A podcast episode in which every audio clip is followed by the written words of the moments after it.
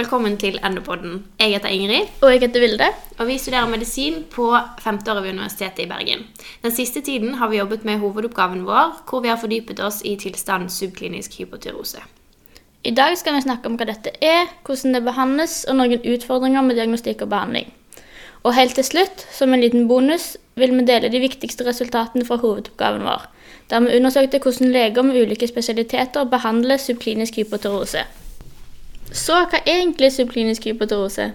For å forstå hva subklinisk hypoterose er, må vi først snakke litt om hypoterose generelt, eller lavt stoffskifte, som det heter på folkemunne. Den vanligste formen for hypoterose kalles primærhypoterose og skyldes sykdom i selve skjoldbruskkjertelen, også kalt tyroidea. Dette var temaet i Endopoddens første episode, og vi anbefaler å høre på denne for mer generell informasjon om hypoterose. I denne episoden skal vi gå litt mer i dybden. Når man snakker om primær hypoterose, skiller vi mellom manifest hypoterose og subklinisk hypoterose. Symptomene på begge formene er ofte uspesifikke og diffuse, men ved subklinisk hypoterose har de en tendens til å være enda mer diffuse, og noen pasienter kan til og med ha ingen symptomer. Diagnosen må derfor stilles på blodprøver. De første prøvene som tas, er TSH og fritt T4. Ved begge formene er TSH for høye. Så det som skiller manifest fra subklinisk hypoterose, er nivået av fritt T4. Ved manifest hypotyreose er fritt T4 for lavt, mens ved subklinisk hypoterose er fritt T4 innenfor referanseområdet. Så, altså, ved manifest hypotyreose er TSH for høyhet og fritt T4 for lavt, og ved subklinisk hypoterose er TSH for høyhet og fritt T4 innenfor normalområdet. Subklinisk hypoterose er vanligere enn manifest hypoterose, og pasienter med subklinisk hypoterose kan etter hvert utvikle manifest hypoterose. Enkelte studier har vist at opptil halvparten av pasientene med subklinisk hypoterose over tid utvikler manifest hypoterose. Første gang man påviser forhøya TSH med normalt fritt T4, anbefales det å ta prøvene på ny etter to til tre måneder. Det er fordi TSH påvirkes av mange faktorer, og en enkel måling av forhøya TSH trenger ikke å skyldes hypoterose. Ved kontroll anbefales det å måle antistoffer mot kjertelen, såkalt anti-TPO. Tilstedeværelse av dette kan fortelle oss noe om årsaken til en eventuell hypoterose, og det gir i tillegg en indikasjon på risikoen for overgang til manifest hypoterose. Pasienten har økt risiko for overgang dersom de har anti-TPO og ved økende TSH-verdi. Så, hvem med subklinisk hypoterose skal egentlig ha behandling? Er det sånn at alle skal ha behandling, eller er det bare noen? Vel, i dag anbefaler norske og internasjonale retningslinjer kun oppstått av behandling hos noen utvalgte pasienter, mens det hos resten bare anbefales jevnlige kontroller av stoffskifteprøver. De forskjellige retningslinjene varierer litt i anbefalingene sine med tanke på hvem som skal få behandling, og hvem som skal følges med kontroller.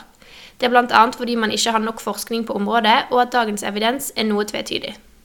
Tar vi utgangspunkt i den norske veilederen i endokrinologi, anbefales det å starte behandling av subklinisk hypoterose ved svangerskap eller fertilitetsproblemer, ved struma, ved TSO over tid, hos pasienter som er tyroidea operert eller radio-J-behandla, hos pasienter som har fått strålebehandling mot skulder-halsområdet, f.eks. ved brystkreft eller lymfom, etter fødsel, det som på fagspråket kalles postpartum tyroiditt, dersom kvinnen har symptomer på hypoterose, samt i forløpet av superkutt eller silent tyroiditt med symptomer på hypoterose.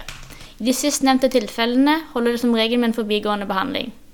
Hos andre som ikke inkluderes av disse nevnte kriteriene, kan symptomer forenlige med hypoterose gi grunnlag for prøvebehandling, særlig dersom anti-TPO er høy. I disse tilfellene må behandling evalueres etter noen måneder. Enkelte andre retningslinjer tar også høyde for alder og skiller mellom pasienter over og under 70 år. Grunnen til det er at mye tyder på at det skjer en fysiologisk økning i TSH hos eldre, og at man derfor bør være mer tilbakeholden med behandling av disse. Andre igjen tar høyde for kardiovaskulær risiko, ettersom ubehandla subklinisk hypotyrose i seg selv er forbundet med kardiovaskulære komplikasjoner. Ellers er behandlingen og oppfølgingen lik for subklinisk og manifest hypotyrose. Det vanligste er å starte med Levaksin i monoterapi, som er syntetisk tyroidehormon, altså levotyroksin. Forskjellen er at man ved subklinisk hypotyrose oftere starter med lavere doser enn man gjør ved manifest hypotyrose. Innledningsvis så nevnte vi at det er noen utfordringer knyttet til dagens praksis. Så hva er egentlig disse utfordringene? Vel, det er i senere studier vist at flere behandles for hypoterose i dag enn tidligere, og at terskelen for å starte behandling er lavere nå enn før. I dag startes gjerne behandling ved TSO-verdier ned mot 7-8. Det er samtidig vist at substitusjonsbehandling har lite til ingen effekt på hypoterosesymptomer og generell livskvalitet, som jo er en viktig grunn til at man starter behandling. Hvis behandling ikke har effekt på pasienten sine plager, kan man spørre seg om det i det hele tatt er nødvendig å behandle subklinisk hypoterose. Noen studier har derimot vist at pasienter med subklinisk hypotyrose har økt risiko for kardiovaskulære komplikasjoner, og denne risikoen bidrar nok til at veldig mange leger velger å starte behandling. Det er fortsatt noe usikkerhet knyttet til effekten substitusjonsbehandling har på langtidskomplikasjoner, og her trengs det mer forskning. Per i dag er risikoen for kardiovaskulære komplikasjoner ikke vist å være nevneverdig ved TSO under 10. Basert på dette er det kanskje på tide at retningslinjene oppdateres og blir enda mer tydelig på at behandling ved TSO under 10 i de fleste tilfeller ikke har tilønsket effekt.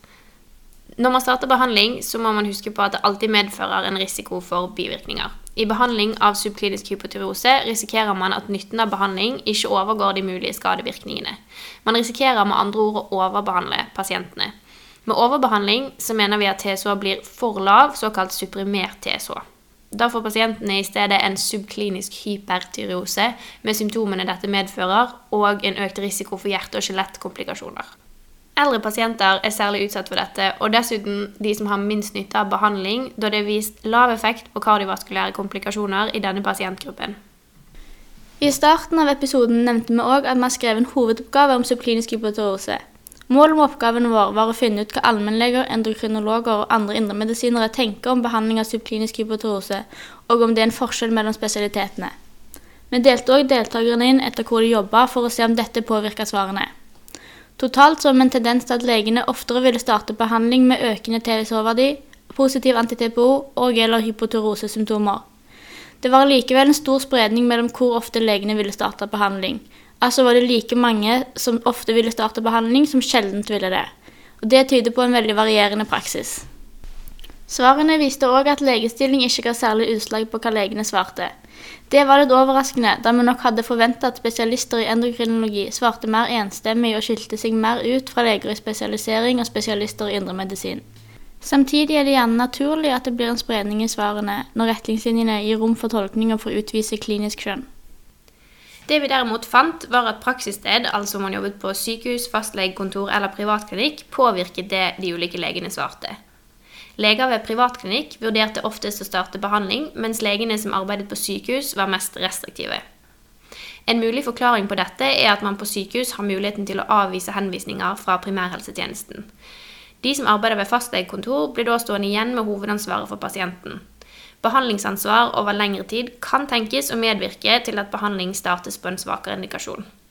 Deler av forklaringen på at leger ved privatklinikk oftere vurderer behandling enn de andre deltakerne, kan være at pasienter avvises ved sykehus og i stedet sendes videre til privatpraktiserende leger. Samtidig så ser man at de som arbeider ved privatklinikk, sjeldnere svarer alltid eller aldri, noe som kan indikere at privatpraktiserende leger oftere vurderer oppstart av behandling på individuelt grunnlag. Så kort oppsummert. Subklinisk hypotyreose er definert som TSO utenfor referanseområdet og fritt T4 innenfor referanseområdet. Det er på mange måter en slags gråsone mellom det å ha normalt stoffskifte og manifest hypotyreose, og det medfører en del problemer i diagnostikk og behandlingen. Blant annet er det mye som tyder på at behandling ikke har effekt på symptomer, og ikke nevneverdig effekt på langtidskomplikasjoner med mindre TSO er over tid. Kanskje er det derfor på tide å bli mer restriktiv i behandlingen, sånn at man sikrer at kun de som faktisk har nytte, får den. Det var alt vi hadde. Tusen takk for at du lyttet til denne episoden av Endopodden. Håper at det var litt oppklarende. Lik gjerne Endopodden på Facebook. Takk for oss.